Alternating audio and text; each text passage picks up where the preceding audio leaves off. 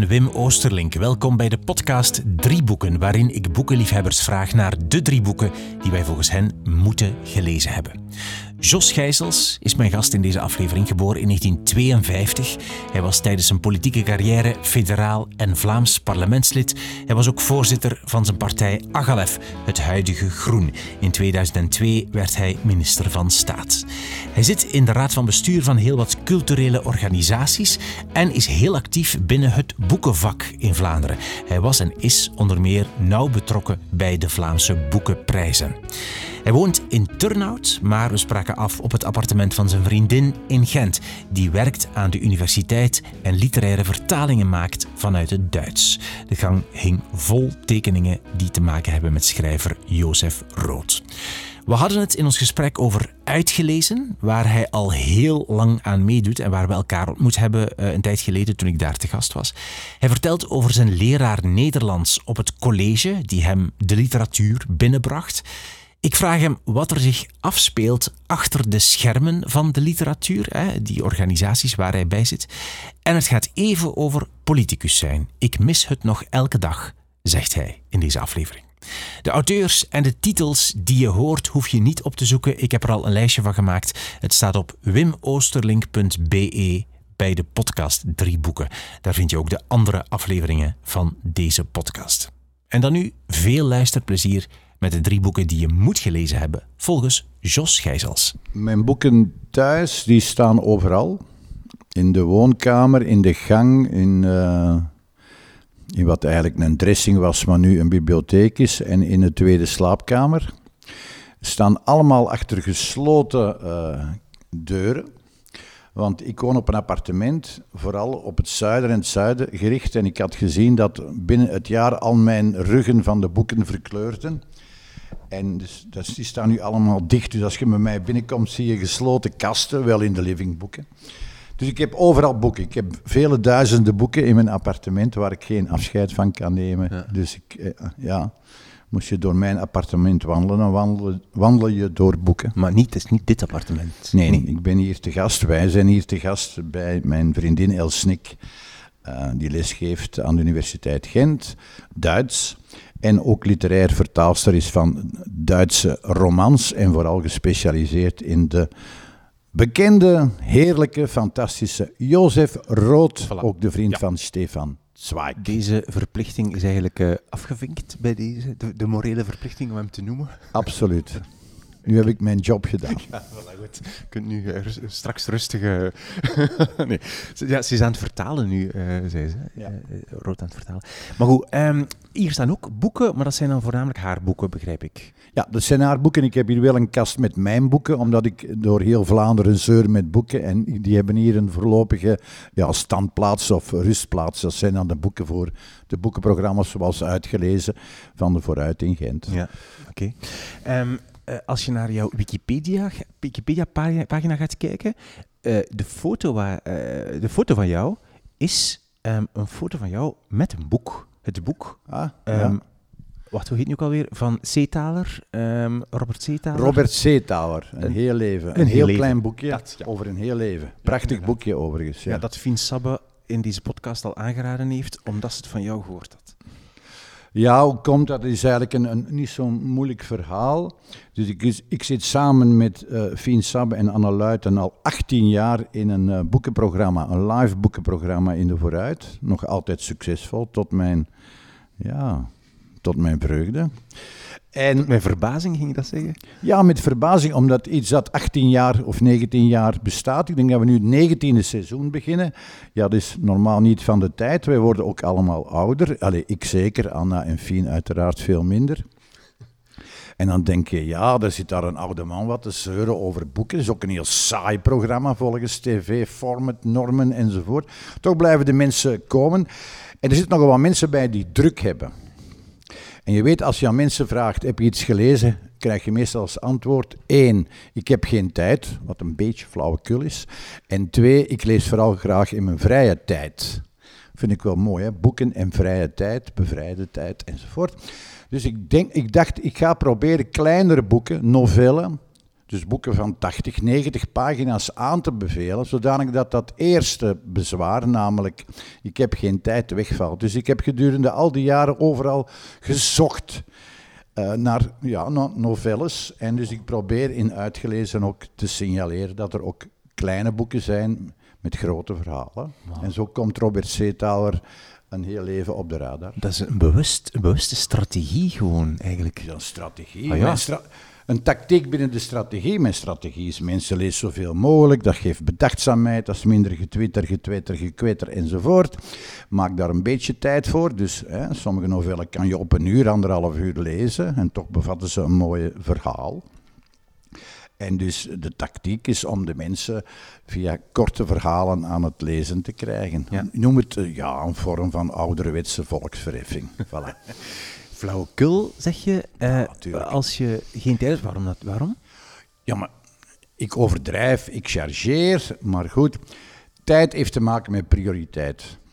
En dus als je al zoeken leest wat mensen besteden in hun vrije tijd, dan voor de gemiddelde, zelfs zeer hardwerkende Vlaming, heeft altijd uh, een paar uur tijd per week om eens iets te lezen. Dat hoeft allemaal ook geen roman te zijn, dat mag ook een weekblad zijn, enzovoort. Dus als je daar tijd voor maakt, kun je elke dag een beetje lezen.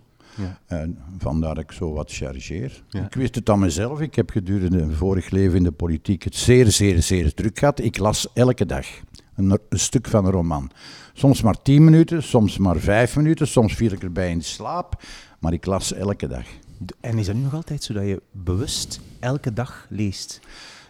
Ja, nu, ja, ik lees elke dag, ook omdat ik gelukkig wat opdrachten krijg om boeken die ik moet lezen. Dat is ook eigenlijk wel mooi. Verplichte uh, lectuur. In school had ik daar een geweldige hekel aan, maar nu vind ik dat heerlijk. Dus ik kom ook slechte boeken tegen. Maar ik lees ja elke dag. Maar ik ben ook een, een, een, nieuwsjunkie. Ik lees ook graag kranten, weekbladen enzovoort. Ja, dat heeft nog misschien te maken met mijn vorig leven. Ja. Ik lees gewoon graag van alles. Mhm. Overal, op alle plaatsen. In bed, eh, in, het salon, op de trein. Trein ook uh, heerlijk om te lezen, ja. ja. Heb je dan altijd een boek bij je? Ik heb altijd uh, een boek bij. Met de auto ben ik, maar voor de rest heb ik altijd een boek bij, ja. Mm maar je leest niet alleen dunne, uh, daar, daar, komen we nog op uh, straks. Hè? Niet alleen dunne boekjes die je zelf leest. Nee. Oh nee, dikke boeken, dunne boeken, ja, maakt, maakt allemaal niks uit. Het is de kwaliteit, ja. Um, ik sprak van die Wikipedia-foto, omdat uh, boeken ja, toch echt centraal staan in jouw leven. Hè? Dat klopt toch, hè? Oh, staan boeken centraal in mijn leven? Als ik daar van buiten naar kijk, denk ik van, die mens heeft, is zoveel met boeken bezig. Ja, ik ben veel met boeken bezig, maar ik ben evenveel ook bezig met vergaderen. Ik zit nogal wel in nogal wat VZW's, uh, eh, voornamelijk uh, alles te maken heeft met armoedebestrijding. Dus dat is ook saai besturen soms. Hè. Vandaar dat uh, heerlijk lezen wel samenvalt met saai besturen. En lezen helpt ook om dat saai besturen efficiënter en effectiever te maken, na te denken over doelstellingen, waarom doe ik dat. Ik lees ook graag non-fictie. Hè. Dus ook uh, boeken over ongelijkheid en zo graag lezen. Ik lees die ook zodanig dat mij dat helpt om na te denken over het vrijwilligerschap dat ik doe in de culturele en in de armoedesector. Ja. Oké, we gaan eens kijken naar de drie boeken waarvan je zegt, deze drie boeken moeten we gelezen hebben. Waarmee ga je beginnen? Met welk boek ga je beginnen? Wat Dan mag ik kiezen. Ik, mag ik kiezen? Dan dit. Het dikste boek. Ja. Wat is jouw eerste boek? Het dikste boek is van een Kroatische schrijver die ik tot verleden jaar niet kende. Slobodan Snyder, ik hoop dat ik het mooi uh, genoeg uitspreek, De reparatie van de wereld. Waarom heb ik dit boek gekozen? Niet omdat het een dik boek is, dat is het ook. Um, omdat het ongeveer alles bevat wat literatuur zou moeten doen. Ik bedoel, dat is een boek dat meerwaarde geeft. Uh, het is een boek dat zowel een avonturenroman is, een historische roman, een liefdesverhaal. Uh, het bevat filosofische vragen, het gaat over immigratie, het gaat over assimilatie, over identiteit, over goed en slecht, alles zit daarin. Uh, ik kende de schrijver niet, ik heb het ontdekt, ontdekt dankzij de nog schaars overgebleven boekenbijlagen van kranten. Ik ben een groot minnaar van de boekenbijlagen van kranten, dus ook hier een oproep. Schaf ze niet af. Um, het gaat eigenlijk over een, een man, Kemp heet hem. En hij is geboren in een gebied in het voormalige Joegoslavië waar de volksduitsers in de einde 18e, begin 19e eeuw verhuisden om, migreerden om aan de kost te komen, gezien zij uit het gebied kwamen in Duitsland waar alles schaars was. Uh, die hebben het daar gemaakt, die zijn redelijk uh, welvarend. En bij het begin van de vorige eeuw wordt daar een zekere Georg Kemp geboren uit zo'n volksduitse familie. En dat is een man die eigenlijk voorbestemd is, zoals zijn vader, om in de handel te gaan, maar hij verkiest dan toch eigenlijk liever om arts te gaan studeren. Maar hij is eigenlijk een, een, een waarnemer, een observator, is geen geëngageerd persoon, hij houdt wel van gedichten. En dan zie je dat naarmate de jaren uh, eh, 20 en 30 komen, en de machtsovername van Hitler in Duitsland, zie je dat er een, beroep wordt gedaan op de volksduitsers, ook al wonen ze buiten Duitsland.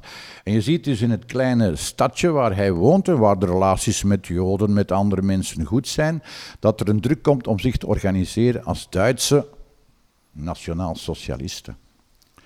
Aan de andere kant zie je dan mensen die meer geïnspireerd zijn door de linkerzijde, ook in datzelfde dorpje.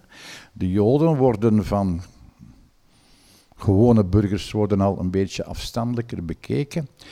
Dan breekt de oorlog uit en uh, wordt ook Joegoslavië bezet door het Duitse leger. En wordt hij in ene keer ingelijfd bij de Waffen-SS. Een beetje tegen zijn goesting als een soort Chinese vrijwilliger. Er wordt van hem verondersteld als volksduitser dat hij toch legerdienst doet. En hij komt terecht bij Waffen-SS. Komt van daaruit terecht in Polen, we hebben het over 43, komt erbij in een toestand die nog ingewikkelder is als in Joegoslavië, want er ook, daar ook leefden verschillende gedachten, etnie, etnieën enzovoort. En is er ook weer van, ja, ik wil dat eigenlijk liever niet. Dat allemaal hier uitrichten. En op een moment weigert hij uh, om krijgsgevangenen dood te schieten. En wordt hij door de andere uh, Duitsers bekeken als een nitwit, als, als een, een fotje papier, een slappeling.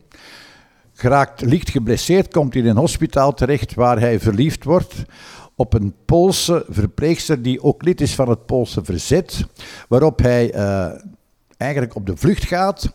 Dan probeert contact te krijgen dankzij die uh, verpleegster met het Poolse verzet. Dat lukt niet. Komt hij in een soort niemandsland, ontmoet hij daar een Jood die op de vlucht is. Uiteraard, we zitten in Polen voor uh, de Nationaal Socialisten en de, de SS. En via ontmoeting met die Jood, die belangrijk is voor de titel van het boek, komt hij dan toch in handen van een Russische Russische, uh, ja, achter de linies vechtende segment van het leger, waar ze wel gehoord hebben dat hij op een bepaald moment geen krijgsgevangenen wilde uh, doodschieten. En dus hij wordt eigenlijk ingelijfd door de Russen. Ik ga het wat vlugger. Dan komt het, het einde van de oorlog en hij zegt: Ja, ik heb hier wel die tatoeage van de SS, ik moet terug naar mijn land. Want ondertussen is Tito met zijn partisanenland ook de Duitsers aan het uitdrijven. Maar ja, ik, ik, ga daar neergeschoten worden, want ik ben een Waffen-SS. En krijgt hij een brief van goed gedrag en zeden van de volkscommissaris van die Russische uh, eenheid. En fietst hij terug naar zijn land. Al waar hij terug in contact komt met Vera, iemand die hij vroeger kende, maar die ondertussen lid is geworden van het partisanenleger van Tito. En u laat het allemaal komen. Hij trouwt met die, uh, met die Vera, is meer een verstandshuwelijk dan een liefdeshuwelijk. En het komt er eigenlijk op neer dat hij door de communisten wordt ingelijfd om zijn, uh, ja, zijn poëtische kunsten ten dienste te stellen van het socialisme. Hij wordt dus een, een, pleger van sociaal-realistische gedichten die volstrekt onleesbaar zijn, maar wel dienstbaar zijn voor de communisten.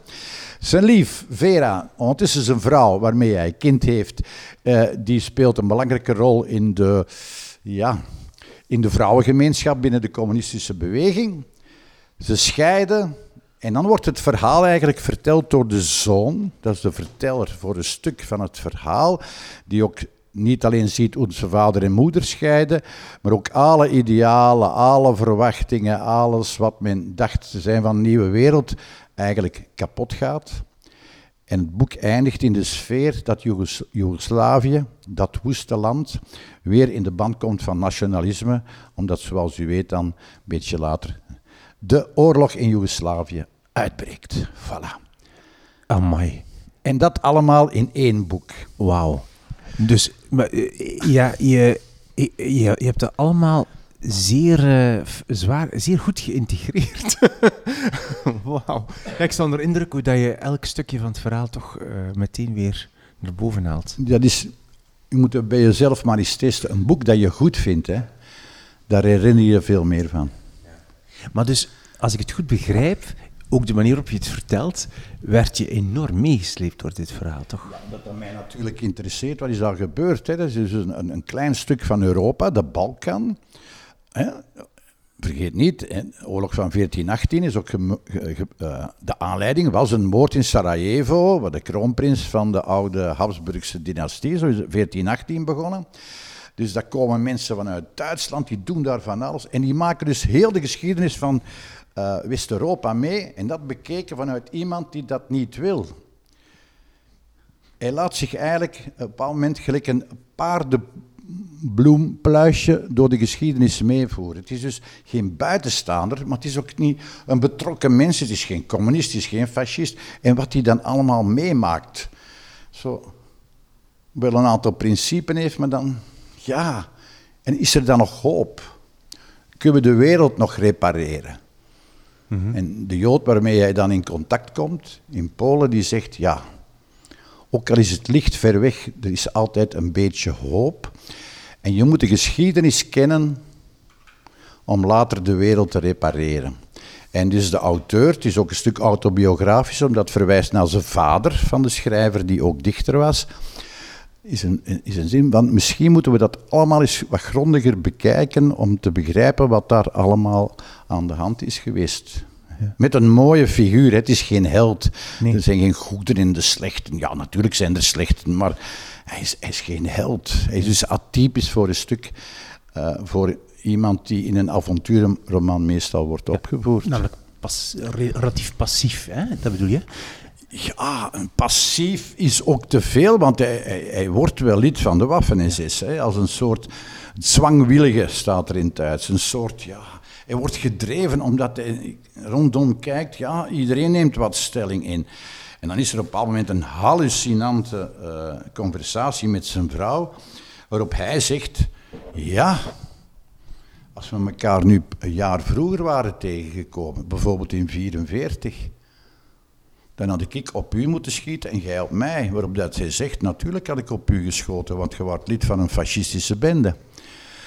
Nou ja, dus wat doen omstandigheden met mensen? Ja, ja het is goed geschreven, uh, ja, historische roman, alles zit daarin wat een goed boek moet hebben. Toen je het uh, las, in de recensie las, of, of, een stuk erover las, in uh, De Morgen of Standaard de Letteren, een van de twee moet het geweest zijn, uh, werd je dan aangetrokken door de inhoud of door, wat er, door het feit dat het goed geschreven was? De inhoud. De inhoud, echt. Inhoud, ja. Ja. Ja. ja. omdat ik graag lees combinaties van historische romans uh, met toch wel ja, vanuit de literatuur. Dus, uh, een historische roman is altijd meer dan een statistiek van cijfers en tabellen enzovoort. Dus, en wat, do, wat doet dat met mensen? Wat, wat doet oorlog met mensen? Wat doet uh, migratie met mensen? Wat doet uh, identiteit? Zoeken naar identiteit. Is op zoek naar zijn eigen identiteit. Weet, hoe doe je dat en hoe ga je daarmee om? Dat zijn vragen die in elk goed boek worden uh, gesteld. Maar dit dan toegepast op een stuk van de wereld dat wij minder goed kennen. Mm -hmm. En dus ik was direct ja, gefascineerd door deze voor mij onbekende schrijver. En dat vind ik ook wel interessant. Ja. ja. Ga je dan meteen op zoek naar wat die mens nog gemaakt heeft, waar die vandaan komt, biografisch? Ja, maar de gegevens zijn schaars. Ik heb het uh, ja, gevonden. Hij is een zeer gevierd eh, schrijver. Ik, uh, ja. Het is denk ik het eerste boek dat vertaald werd. Dus veel meer weet ik ook niet. Ook dat het wat geïnspireerd is op het lot en het leven van zijn vader, die ook dichter was. Meer weet ik echt niet. Ja, ja. oké ja, zo leuk om zoiets te ontdekken. Dat niet... En ga je dat dan ook, want uh, je zit in uitgelezen waar je, je zei het al, waar je zelf ook altijd met een boekentip komt. Uh, je probeert dus strategisch uh, vaak een dun boekje te geven, maar geef je dit dan ook Ja, door absoluut. Ja, ja, ja, dat geef ik. Dit is een boek dat ik, als ik kan, een, een boek geven aan mensen is altijd een beetje een uitdaging. Maar dit is een boek dat ik bijna aan iedereen uh, kan geven om te zeggen als je dit niet goed vindt, betaal ik het bedrag terug dat het boek kost. Dit, dit zijn zo van die boeken. Je hebt er nog hoor, maar dit is, ja, dit is ongelooflijk. En, en doe je dat dan ook? Geef je het dan ook? Doe je het dan ook? Geef je het dan ja? Als ik kan, geef ik het ook als boek. Dat geldt ook voor anderen. Hè. Als je iemand een boek moet geven, ja, ja, ja. En voor, voornamelijk als het dan, hè, want wie is in godsnaam Slobodan Snyder? Nobody. Ah, voilà. Ja. Daarom, ja, daarom, ja. ja. ja. Geweldig. Um, jij uh, hebt in heel veel boeken... Even, even een uitstapje. Uh, je hebt in heel veel boekenorganisaties uh, gezeten. Je, ja. bent, je hebt in de jury gezeten van boeken prijzen. Uh, je bent betrokken bij de uh, Boontje en uh, denk ik, zo, hoe heet dat? Ik, ik, zal duidelijk maken ook voor de, de luisteraar. Ik, ik doe twee dingen. Enerzijds te maken met lezen van boeken. Ja. Ik heb het genoegen gehad om in de Nederlandse een van de Nederlandse grote prijzen. Je hebt de Libris en je hebt ook nu de Boekenbonprijs, een afschuwelijk woord, in de jury gezeten. Dat betekent 300, 400 boeken per jaar die je dan krijgt en waarvan je dan uh, samen met anderen hè, gelukkig uh, moet lezen. Dus dat, en ik ben ook voorzitter al een jaar of negen van de Bronzen Uil. Dat is een debuutprijs voor Nederlandstalige literatuur. Dus dat is aan de ene kant. En aan de andere kant heeft te maken met mijn vorig leven. Zit ik ook wat in besturen van organisaties die met de letteren te maken hebben. Hè. Ik heb het, fantastisch vroeger Vlaams Fonds voor de Letteren, nu Literatuur Vlaanderen, voorzitter mogen zijn. Samen met Koen van Bokstaal, die nu directeur is van het Vlaams Audiovisueel Fonds. En ik ben nu voorzitter van het Boekenoverleg. Dat is het overleg van heel, het, heel de sector. Dus zowel de auteurs als de uitgevers, als de boekhandels, als de leesbevorderingsorganisaties, de literaire organisaties, die zitten daar samen, ben ik voorzitter van. En tot mijn grote voldoening, want dat heeft heel veel jaar lobby uh, uh, gekost, uh, zit ik ook in de VZ2, die nu voor de eerste keer terug een, belangrijke literaire prijs vanuit Vlaanderen kan geven in volgend jaar, in 2022, voor Nederlandstalig werk. Waarom zeg ik dat ik daar blij mee ben? We hebben vele jaren gelobbyd, we vonden geen geld, want u weet... Uh, de Gouden Uil, de Gouden Boekenuil, later de Fintro-prijs. Dat is weggegaan, er is niks in de plaats gekomen. En nu eindelijk, met de steun van uh, minister van Cultuur, uh, kunnen wij terug een literaire prijs uitreiken volgend jaar in maart. Is dat dan zo moeilijk? Want je zegt lobbyen. Ja, dat is moeilijk. Ga, ga ja. jij dan echt zo tegen mensen... Ja, ja. ja voor de goede zaak. Hoe gaat dat, Hoe gaat dat dan? Ja, je belt die op? U, net, zoals journalisten werken, uw netwerk aanspreken en dan met de oude collega's in de politiek enzovoort enzovoort. Zo gaat dat dan. Ja. En voor de goede zaak lobbyen en niet voor een bepaald belang buiten het belang van de letteren. En dan maakt het ook soms moeilijker, maar ook soms makkelijker, omdat je niet voor uh, je eigen uh, kar of je eigen garage rijdt. Ja. ja. Voilà je zit in al die organisaties, je hebt daarmee te maken, je, je, je bent daar voorzitter van geweest, van altijd. Ja. Uh, wat, wat leer je daaruit? Sorry, ja, ik, ik, ik, ik vertel het vanuit, de, vanuit als burger die Veel. echt geen idee heeft, die enkel zo de boekwinkel kent en de ja. bibliotheek. Ja. Ik weet niks meer. En toen ik een schrijver ontmoet, meer weet ik niet. Hoe, hoe is dat? Ja, die vergaderingen zijn soms even saai als de vergaderingen die, die jij of anderen ook af en toe moeten ondergaan of moeten, uh, waar je aan moet deelnemen. Maar het is natuurlijk een, een, een prachtig product, boek, mm-hmm. prachtig product, een van de meest efficiënte producten die er ooit zijn gemaakt. Um, en het heeft ook te maken met de mensen die dat schrijven, de mensen die dat uitgeven, de mensen die dat verspreiden, de literaire organisaties. Je komt dus in contact met een heerlijke sector die een heerlijk product maakt en die daar tracht in deze tijden, in deze snelle tijden, toch wat, uh, ja, toch wat gedachten te formuleren, wat kwaliteit te geven enzovoort. Dat is natuurlijk fantastisch. Hè? En, en, en, en dan kom je in contact met heerlijke schrijvers. Ik heb nu het genoegen gehad om gedurende drie dagen met Geert Mak, hè, toch ook voor de luisteraars niet onbekend te mogen, optrekken. En dan, ja, dan zie je dat dat een wandelende eruditie is. Hè. Dat is natuurlijk toch fantastisch. Of met Tommy Wieringa, hè, toch ook gekend uh, mag tafelen. Dat zijn toch wel van die heerlijkheden waarvan je denkt van ja, dat ik dit nog mag meemaken. Je geniet dus, daarvan, ik zie dat je ogen. Natuurlijk geniet je ervan. Ik bedoel, zoals je ook kunt genieten van te praten met een schilder of iemand die een goed tv-programma heeft gemaakt. Dat is toch, je leert daar altijd iets van bij. Dus dat is altijd goed voor de ogen. Lezen is goed voor de ogen. Mensen in de ogen kijken ook, maar lezen is altijd goed voor de ogen en het verstand. Ja, Geert Mak, um, je, waarom heb je daar drie dagen mee opgetrokken? Wat is er gebeurd? Die was uh, te gast bij Theater aan Zee, waar ik veertien dagen ook voornamelijk met literatuur ben bezig geweest. En die was daar te gast uh, met een boekvoorstelling, een laatste boek, Grote Verwachtingen, waarin hij terugkijkt naar twintig jaar Europa en vooral de desillusies. Waarom hebben we dat gedaan in Theater aan Zee? Boekvoorstellingen, omdat schrijvers het laatste jaar geen boekvoorstellingen meer hebben kunnen geven. Dus wij dachten, ah, we geven ze nu een klassieke boekvoorstelling. Dat was veel volk. En dus daar zat Lise Spit tussen en Jeroen Olieslagers en dus ook Geert Mak. Ja. En daarom kwam hij graag naar hier. Ja. Vraag je die dan uit? Als je zo de kans hebt om daar zo lang mee op te trekken, ga je dan echt zo zijn brain pikken?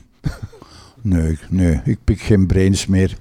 Maar ja, die man heeft zoveel meegemaakt, zo'n kennis, uh, voornamelijk dan van Europa, eh, ook van de geschiedenis, dat je daar iets van opsteekt. Hmm. En als dat bovendien een zeer minzame man is, dan is dat nog beter. Ja, ja, die man uh, heeft echt grote voeten, literair gezien, maar loopt niet naast zijn schoenen. En ik vind dat een heel mooi. Ja, dat is heel mooi, ja. Oké. Ik had nog een vraag, maar ik denk dat het antwoord negatief is, maar ik ga ze toch nog eens stellen voor de volledigheid. Uh, als je in al die organisaties, als je eigenlijk zo vaak achter de schermen van het boekenvak Hè, uh, zit en werkt en lobbyt en vergadert, uh, maar ik weet het antwoord al, maar toch, ik ga toch vragen, kan je dan nog genieten van boeken? Denk je niet heel de tijd aan het geneuzel en het gedoe achter de schermen als je een boek leest? Nee, Ah, nee, nee, nee, nee, nee, nee, nee, nee, nee, nee, nee. Je, houdt daar rekening mee, omdat natuurlijk, het is niet allemaal roze geur en maneschijn. Schrijvers zijn ook gewoon mensen met hun kleine uh, hebbelijkheden, hè, daarover ook geen misverstand. Maar je leert vooral door in dat vak ook wat actief te zijn, leer je vooral dat er geweldige vooroordelen zijn en clichés. Een vooroordeel over schrijvers is, oh, die zijn toch wel wereldvreemd. Goeie schrijvers zijn echt mensen van de wereld. Uh, Nolens, onze grootste dichter Leonard Tolens, heeft ooit gezegd. En Nolens is een speciale figuur, zeker als je hem moet interviewen op de radio, dat is bekend. Maar die zei zo op een bepaald moment: Ik wereldvreemd. Ik ben toch wel een beetje vreemd van deze wereld. En dat, merk je hè, bij, bij schrijvers, die zijn daar wel mee bezig met de wereld. En, ja, plus dat is een vooroordeel. En clichés, ja, dat zijn subsidieslurpers. Zo'n cliché dat we nog gehoord hebben over mensen. Dat zijn helemaal geen subsidieslurpers. Dat zijn echt helemaal geen subsidie. De meeste schrijvers hebben het niet gemakkelijk. Hè. Mensen denken, ja, die krijgen zoveel subsidie. Een aantal krijgen een, een, een beurs of ik weet niet wat, of ondersteuning voor vertalingen of een bezoek in het buitenland. Maar echt schrijvers, ik heb soms bewondering hoe dat ze in alle eenzaamheid dan toch achter hun bureau zitten, want het is ook een vak, het is concentratie, documentatie, opzoekingswerk, en toch maar dat doen.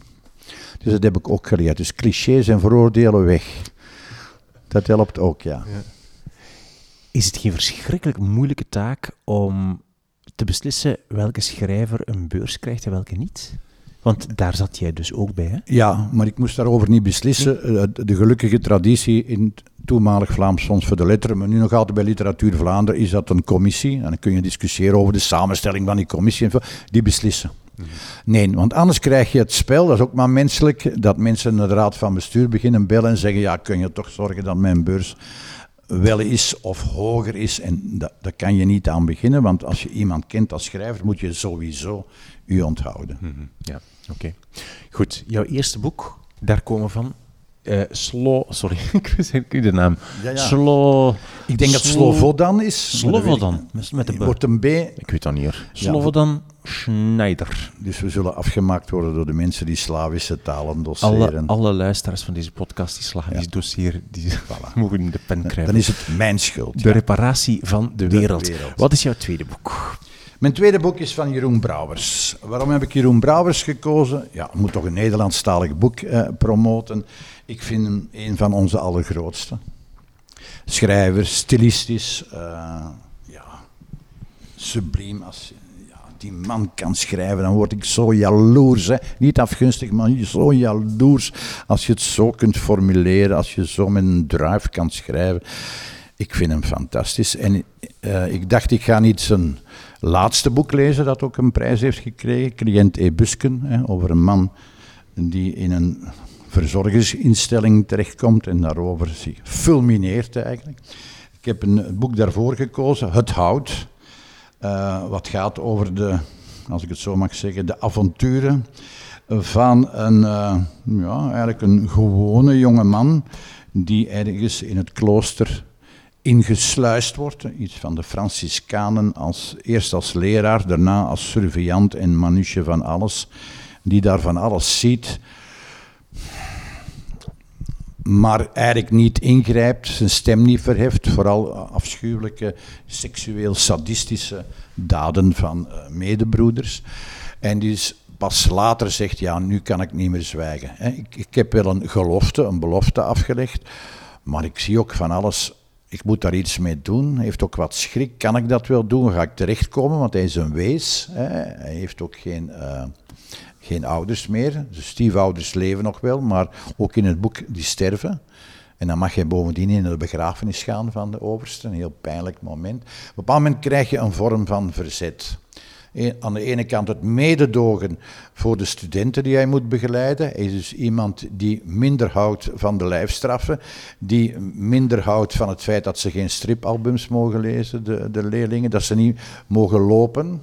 Zeker niet in de gangen, dat heb ik ook nog meegemaakt. Niet lopen in de gangen van de school. En het is iemand die langzaam in verzet komt. En waarom heet het boek Het Hout? Het hout is, heeft ook te maken met het hout waarmee uh, vooral de prefect Mansuetus genaamd, moet ze op in Duits uitspreken, ja, dat heeft Jeroen Brouwers wel, de mensen afranselt. Dat is een hout, maar het is ook het hout van Christus, het hout van het kruis. En dus daar wordt gedurende het boek meegespeeld. Het een is blijkbaar niet het ander, maar bij sommige Franciscanen in dit geval, ik zeg wel in dit geval, gaat dat perfect samen. Dus je ranselt de kinderen met het hout en ondertussen vraag je ze om het hout van Christus te omarmen. Het is een heel hard verhaal waar Brouwers, die ook een geweldig polemist is, alle registers uh, opentrekt om dit aan te klagen. Want, zoals hij zelf zei in een interview, ik heb een kostschoolsyndroom. Dus hij heeft zelf daar iets aan overgehouden. Ja. Maar prachtig geschreven, groot stilist. Uh, Brouwers zei uh, ooit op een bepaald moment, literatuur dat is priegelen met letters. Dit is echt een meesterpriegelaar met letters. Maar geen schoonschrijverij, want dat kan ook. Dit gaat over heel veel. Voilà. Ja. Waarom zitten er gele briefjes tussen? Ik heb de gewoonte, ik heb twee gewoonten. Uh, dat is als er belangrijke passages zijn, een geel, zo een ja, een heel plakbriefje. Een plakkertje. En ook met potlood. Ah. Maar ik ben wel van de club die haten dat mensen met fluorstiften in alle kleuren van hun pagina's een mozaïek maken. Dat is flauw, flauw wat ik zeg, hè? maar ik, ik schrijf dus in potlood. Waarom? Als je soms een boek uh, terugleest en je leest dan vooral de, de, aantekeningen die je hebt gemaakt, die zijn soms echt lachwekkend. Hoezo lachwekkend? Ik ga je een voorbeeld geven. Ik was in de jaren, eind van de jaren 60 in de ban van Simon Vinkenoog. En ik, zag in mijn boekenkast Weergaloos staan. Een dik boek van Simon Vinkenoog met mijmeringen, teksten van Jimi Hendrix, uh, poëzie geschreven volgens mij, na toch wel roken van menige sigaret, die ook wat uh, stoffen bevatte. En ik had daar zo allemaal dingen naast geschreven. En ik herlas die en dan dacht ik, wat een flauwe heb ik hier ooit geschreven. Wat esoterische geleuter. Nu, het boek was ook slecht, maar ik zal het niet wegdoen. Dus daarom met potlood, want dan kan je dat uitgommen. Maar ik had die toen geschreven met een bik. Dus, dus ja. Voilà. Vandaar ook een soort trauma. Eigenlijk uh, schrijf nooit met een biek of met fluostift of iets dat blijft.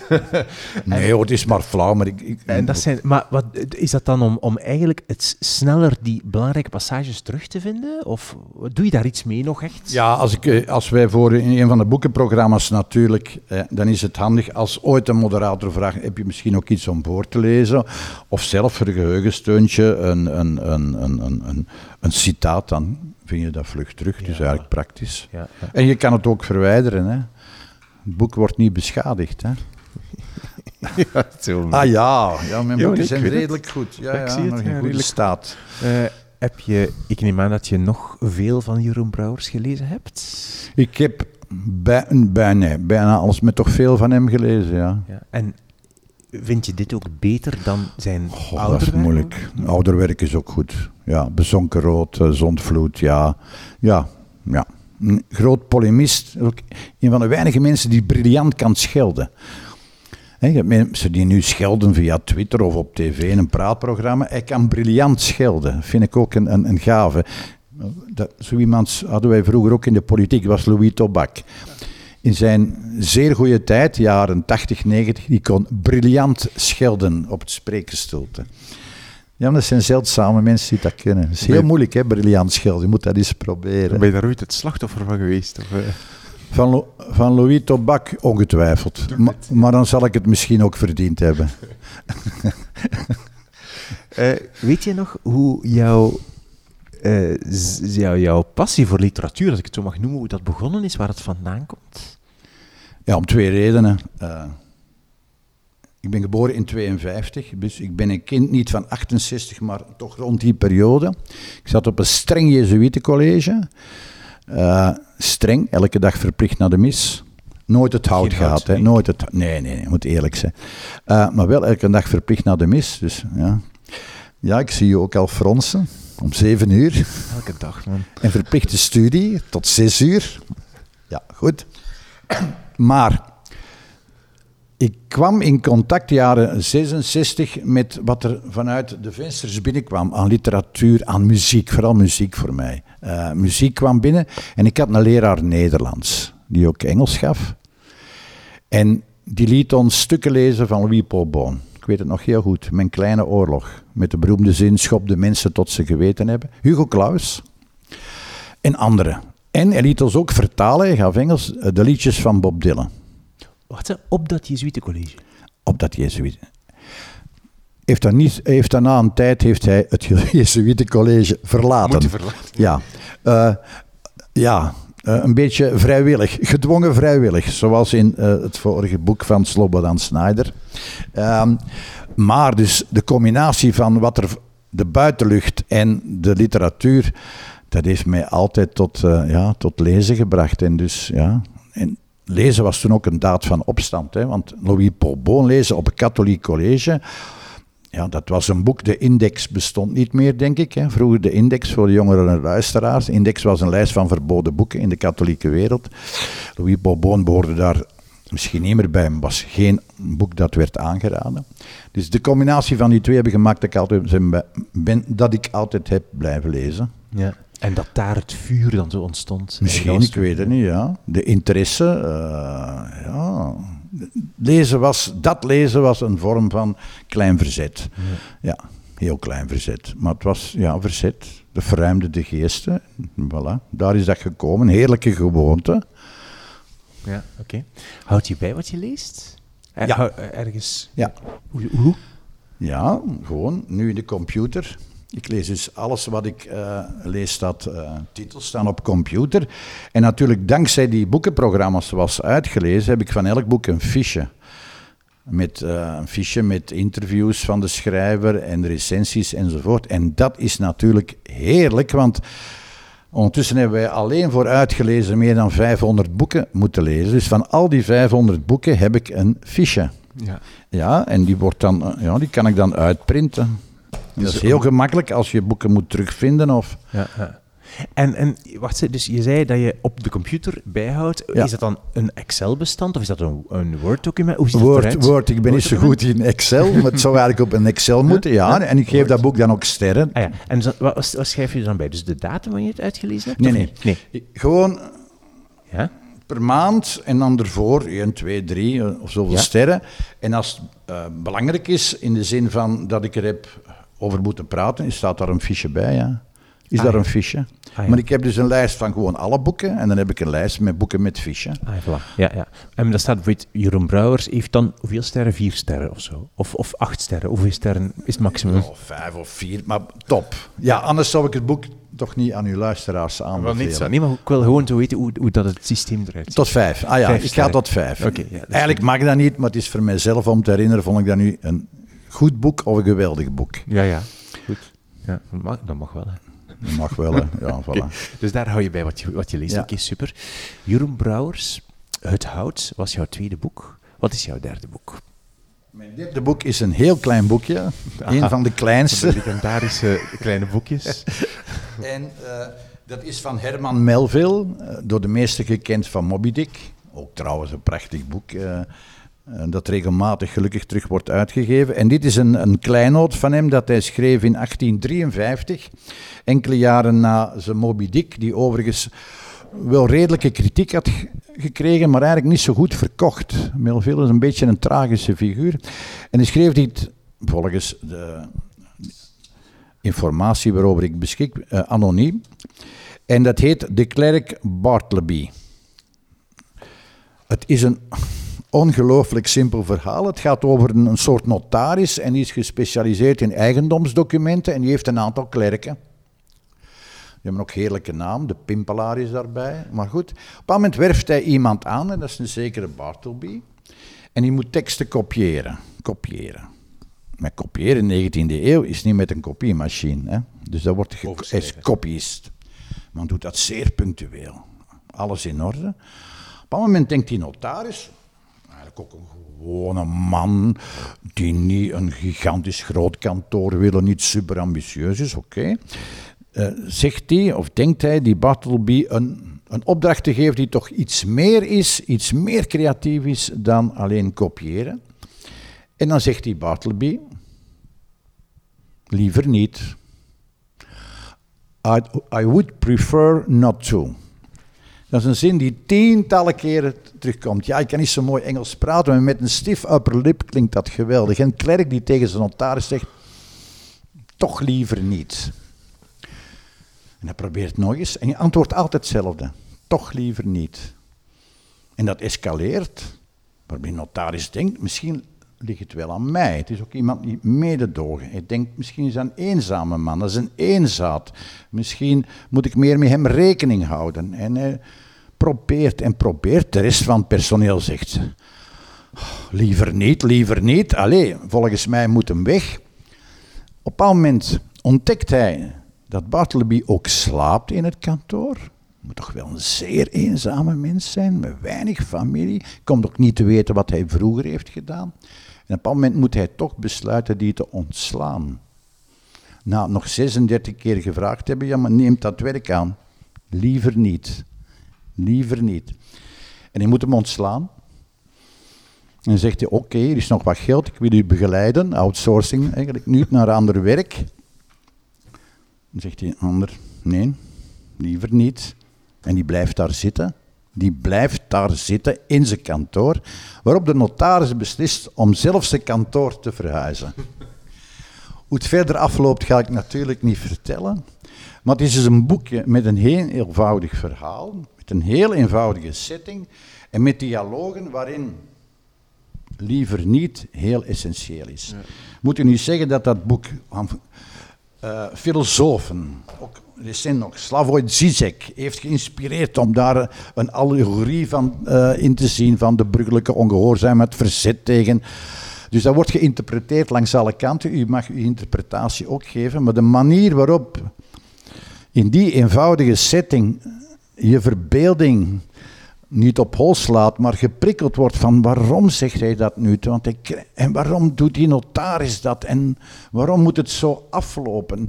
Ja, gaat het over de mensheid enzovoort. Dus een heel dun boekje waar je een heel dik boek van mijmeringen, uh, interpretaties aan kunt vastleggen.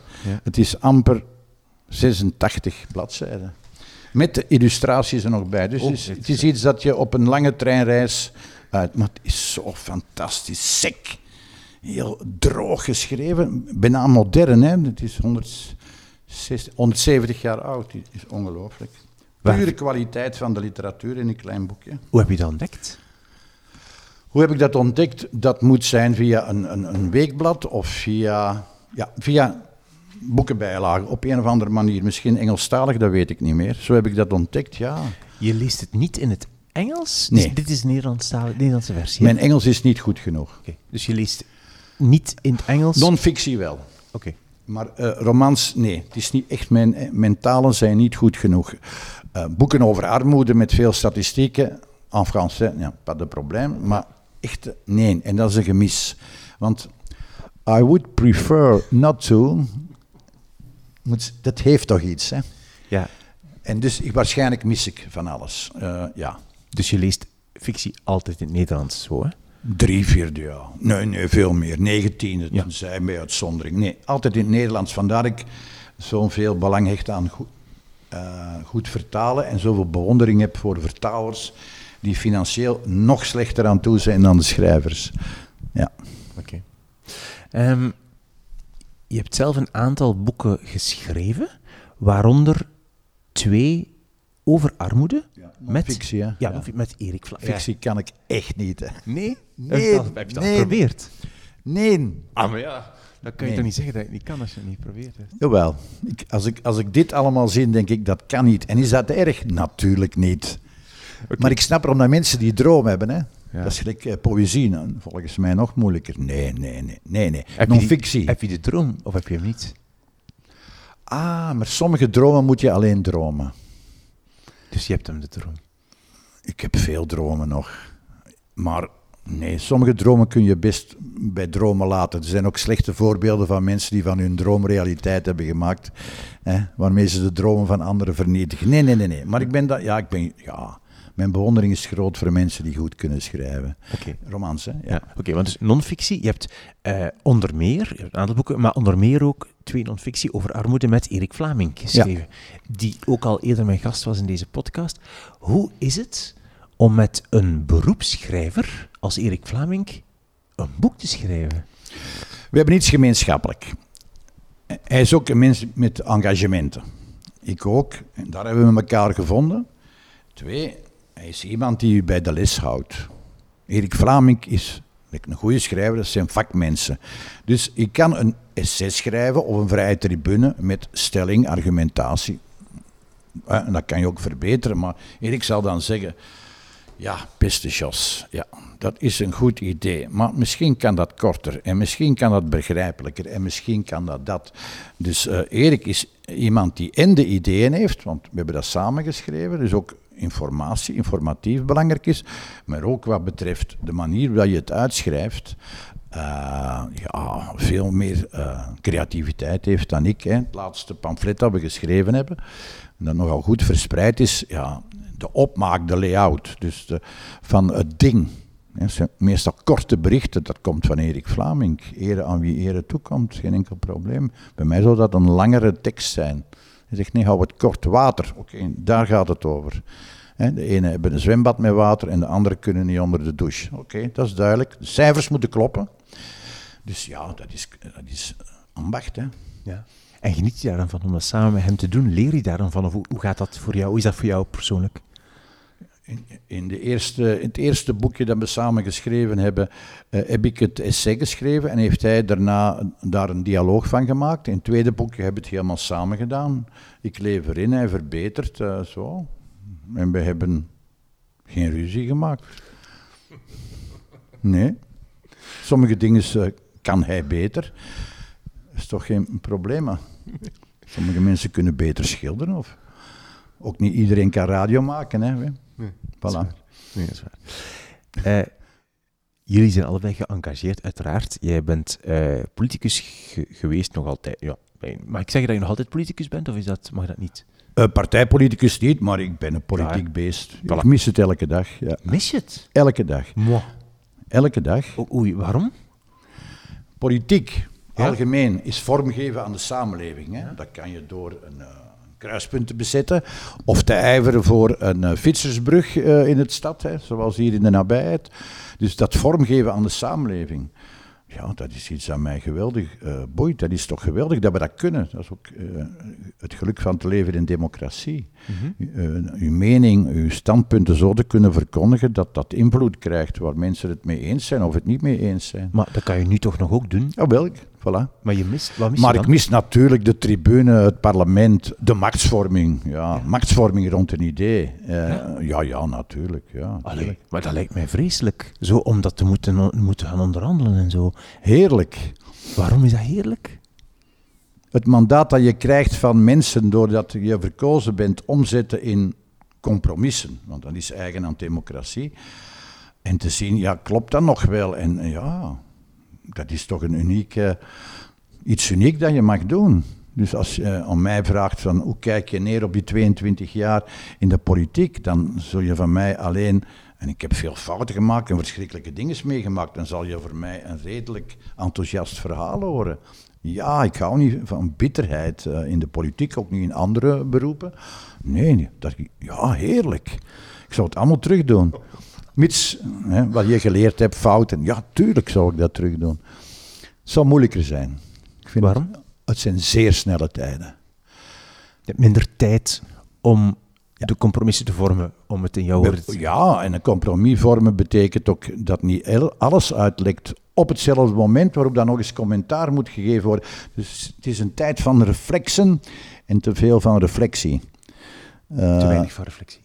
En dus je moet daar tijd voor krijgen. Maar goed, dat is dan een ander, ander debat, maar daarom boeken helpen met reflectie. Ja. ja. Wat mij opvalt aan jouw drie boeken, maar misschien moet je zelf even zeggen, is je, hè, je bent een geëngageerd persoon. De drie hoofdpersonages waar je van spreekt, of de manier waarop je ze beschrijft in wat je vertelt over die boeken, zijn alle drie een soort mensen die eigenlijk net niet zich engageren, die heel erg op de oppervlakte blijven, die heel erg zo niet durven. Ze durven niet of zoiets. Of ze doen, ze doen het niet. dus de, de klerk, ja, ja. Uh, die, die zegt nee, nee, nee, geen ambitie. Uh, die van het hout zegt, ja, nee, nee, ik, op het einde wel, maar in het begin zegt hij, nee, nee, ik kijk toe en ik heb er eigenlijk niks mee te maken. En ook bij, um, bij de reparatie van de wereld zijn, is het een personage dat ja, zich, zoals je zei, een pluimpje van een uh, paardenbloem zich laat meedrijven, een ja. beetje op de wind van de geschiedenis. Zo. Ik vind dat opvallend. Ja, oké. Ja, ik heb daar zelf nu niet bij nagedacht. Nee, voilà, dat is een vondst van de ondervrager. Ja, ik, ik hou wel niet.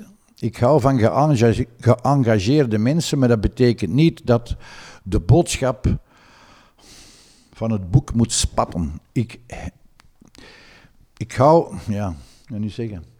Dat geldt ook voor theater of voor anderen. Waar met de vinger wordt gewezen welke weg de mensheid moet volgen, hou ik niet van. Dus je moet elke dag twijfelen. Dat, dat, betekent niet dat je onzeker moet worden, maar je moet wel elke dag twijfelen. En dat is wat de literatuur mij leert. Dat is het verschil met boeken die je leest van politieke filosofie, wat ik graag lees, of andere. Dan gaat het over een stelling en bewijs en een conclusie meestal genuanceerd, gelukkig. Dit gaat anders. Dit gaat over hoe gaan mensen daarmee om, met gebeurtenissen, met, met, met gedachten enzovoort.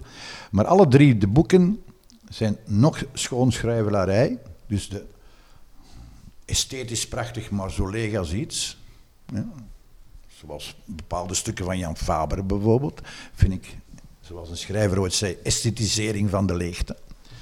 Ik zie misschien wat grof, ga misschien uit de bocht, maar maar ze voegen iets toe. Ik, ik, ik, ja, ze voegen iets toe. Ze geven meerwaarden. En dat is het essentie van literatuur. Het is meer dan statistieken, cijfers, getallen, gemiddelden. Dit gaat allemaal wel over individuen, ieder met hun eigen. En, en ja, veel, de meeste mensen zijn geen helden. Ik ook niet. Er is veel grijs.